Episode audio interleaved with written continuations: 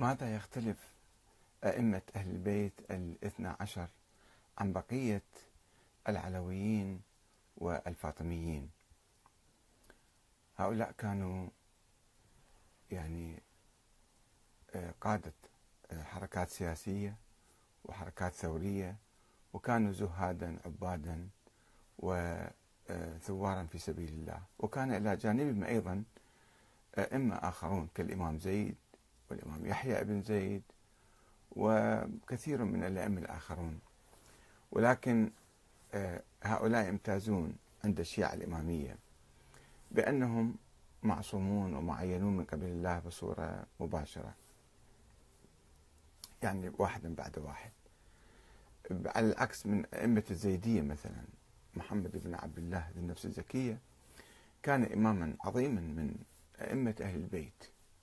الإمام زيد كذلك الإمام محمد بن حنفية كذلك وأئمة آخرون ولكن أصحاب أولئك الأئمة لا يعتقدون بأنهم أئمة معصومون أو معينون من قبل الله ولو أنهم يعتقدون فيهم بأن لهم الحق مثلا في الحكم والخلافة.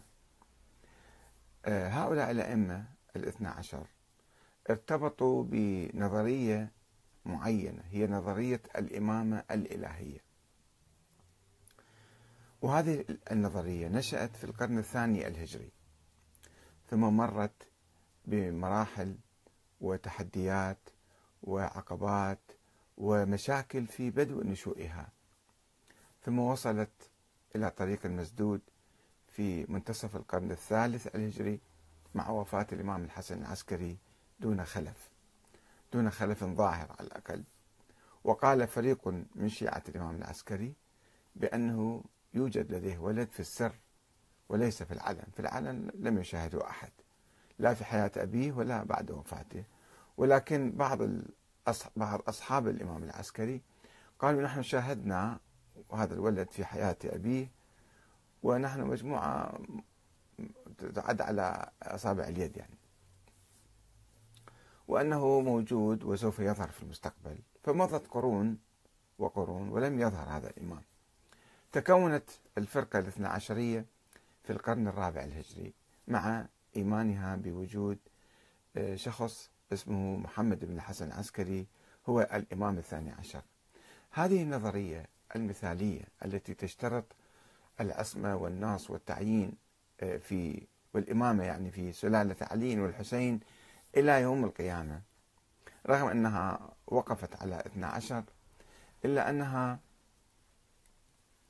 يعني آه، أضرت بالشيعة أكثر ما نفعتهم وخاصة الشيعة اللاحقين آه، الذين ظلوا ينتظرون إماما معصوما معينا من قبل الله أن يخرج ويقيم آه، حكومة إسلامية. فألف سنة حرم الشيعة الإمامية الاثنى عشرية العمل السياسي.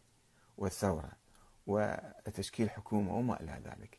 إلى أن حدثت ثورة في العصر الأخير هي ثورة ولاية الفقيه والثورة الديمقراطية الثورة الدستورية قبل مئة سنة قالوا بأن الحكم يمكن أن يعني يمكننا أن نحكم وأن نشكل حكومة على أساس الشورى وعلى أساس الانتخابات ويكفي أن يكون عالم عادل أو حتى يعني ليس عالما بالفقه مرجع مجتهد يعني يكفي يكون إنسان طيب وصالح حتى يتولى الزعامة والحكم. آه، طبعا نظرية الإمامة يعني ضربت الشورى وقالت الشورى باطلة من الأساس. سابقا ولاحقا ولا يجوز أن نقيم حكومة على أساس الشورى. كما قال الشيخ الصدوق مثلا في كتابه إكمال الدين وفي كتب أخرى وكل المتكلمين الإمامية الاثنى عشرية العلامة الحلي في القرن الثامن كان يقول بحرمة إقامة الدولة على أساس الشورى أبدا ونهائيا ولا يجوز مطلقا. فهذه النظرية يعني آه، عندما ضربت الشورى هي كانت مثالية. تقول يجب أن يشترط في الإمام في الحاكم الأسمى والنص من الله تعالى وهذا غير متوفر وغير واضح وغير صريح وغير ممكن يعني. في البداية استدلت هذه النظرية بالأحاديث آه، النبوية على الإمام علي عليه السلام مثل حديث الغدير وحديث المنزلة وأحاديث أخرى. فقالت هذا يدل على آه، تنصيب الإمام بالخلافة والإمامة. ولكنها هذه النظرية فشلت في مد النظرية من الإمام علي إلى بقية الأئمة الاثنى عشر. فالإمام علي عليه السلام عندما ضرب طلبوا منه أن يعين ابنه الحسن خليفة له من بعده وليا للعهد يعني. فرفض الإمام وقال لا أمركم قال أنا ما أعين واحد. فقالوا له سوف نختار الحسن ابنك الحسن. قال لا أمركم ولا أنهاكم هذا الأمر إليكم. الإمام الحسن تنازل عن الخلافة التي بويع له فيها إلى معاوية. مما يعني أن الخلافة والإمامة لم تكن مسألة دينية مسألة مدنية مسألة عرفية. عقلية. إذا رأى الإمام أو الناس أن يولوها إلى الإمام الحسن يولونها إياه. وإذا الإمام الحسن نفسه رأى أن يوليها لمعاوية يوليها لمعاوية. معاوية الذي قاتل الإمام علي أربع خمس سنوات. فإذا نظرية الإمام الإلهي لم تكن موجودة لدى أهل البيت في القرن الأول الهجري. في القرن الثاني خرجت هذه النظرية. وبنيت على حكاية. يعني كيف نمد الإمامة من علي والحسن والحسين إلى زين العابدين ومحمد الباقر وجعفر الصادق وموسى الكاظم؟ سلسلة الأئمة. انقطعت هذه السلسلة. لأن الحسين لم ينص على أحد لم ينص على زين العابدين ولم يوصل له بالإمامة ولا أي شيء ولا تحدث عن موضوع الإمامة.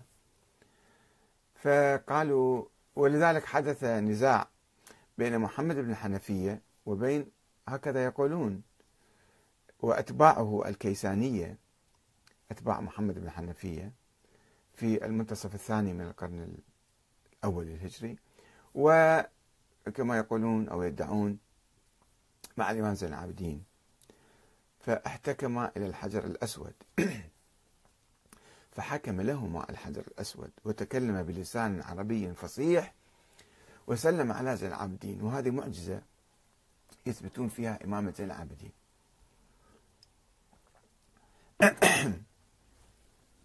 ثم تسلسلت الإمامة إلى محمد الباقر وجعفر الصادق. جعفر الصادق آه، أوصى إلى ابنه إسماعيل فتوفي في حياته قبل حوالي 20 سنة 18 سنة. فحدثت هزة لدى الإمامية وصدمة نفسية. أنه كيف الإمام يوصي إلى أحد ثم يموت في حياته. سألوه من الإمام بعدك؟ قال سوف ترون تأتون المدينة وترون من هو جالس مكاني. فذهبوا ووجدوا عبد الله الأفطح ابنه الأكبر. فأجمع الشيعة على إمامته. أجمع فقهاء الشيعة ومتكلمين الشيعة. وجامع بن الحكم ومؤمن الطاق ومجموعة. تحدثنا عنهم في الحلقة السابقة وكيف كما يقول أئمة الشيعة الاثنى عشرية الكليني والصدوق والمفيد والمرتضى وكل الطوسي يقولون أن الشيعة أجمعوا على إمامة عبد الله الأفطح ولكنه توفي بعد سبعين يوما تقريبا فحدثت أزمة أخرى. حدثت أزمة أخرى وانقسم آه، أصحاب الإمام عبد الله أفطح إلى ثلاث أقسام قسم قالوا عنده ولد موجود مختفي في اليمن. وقسم قالوا نجمع بينه وبين أخيه موسى بن جعفر وهم الفطحية يسموهم. وقسم شطبوا على اسم عبد الله الأفطاح حذفوه من الإمامة بعد أن أصبح إماما. أه وانتقلوا من جعفر الصادق إلى موسى الكاظم. الآن نحاول أن نرى